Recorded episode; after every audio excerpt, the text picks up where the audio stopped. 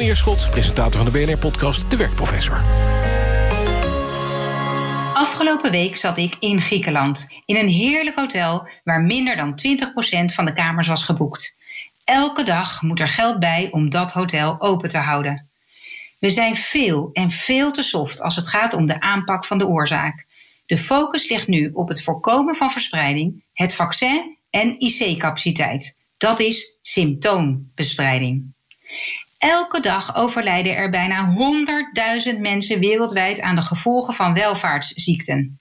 Het coronavirus krijgt je harder te pakken als je rookt of overgewicht hebt. Maar oelala, als we daar wat van gaan zeggen. De Britse aanpak om obesitas tegen te gaan wordt in Nederland als betuttelend gezien. 75% van ons vindt dat we gewoon door moeten gaan met het prijsstunten voor ongezond eten. Jongeren worden niet ziek, maar ze verspreiden wel. Als we kijken naar doodsoorzaken, dan ligt dat voor de overgrote meerderheid niet aan het virus zelf, maar aan de omstandigheden bij het slachtoffer. Dat is het punt. Ondernemers zien hun bedrijven gesloten worden. De jeugdwerkeloosheid stijgt. Een half miljard mensen wereldwijd wordt geraakt in armoede door de lockdowns. Maar maatregelen om de oorzaak aan te pakken nemen we niet. Nee, dat vinden wij betuttelend. Wanneer gaan we nu eens eindelijk echt de grootste doodsoorzaak in ons land aanpakken? Wanneer verdwijnt het snoep bij de kassa? Worden groenten goedkoper? Worden bedrijven gehinderd die als focus hebben ons nog meer ongezonde dingen te laten eten? Of die de kwaliteit van al het leven überhaupt niet belangrijk vinden? Ik vind het echt verschrikkelijk om de ondernemers te zien lijden.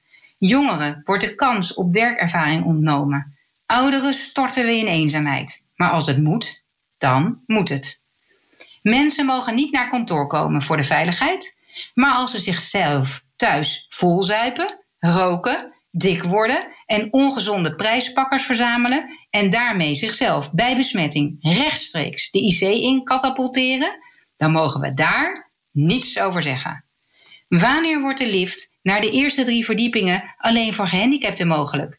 Waar zijn de gratis speeltuinen voor volwassenen om ons meer te laten bewegen? Zet de volksgezondheid echt op nummer 1, minister De Jonge.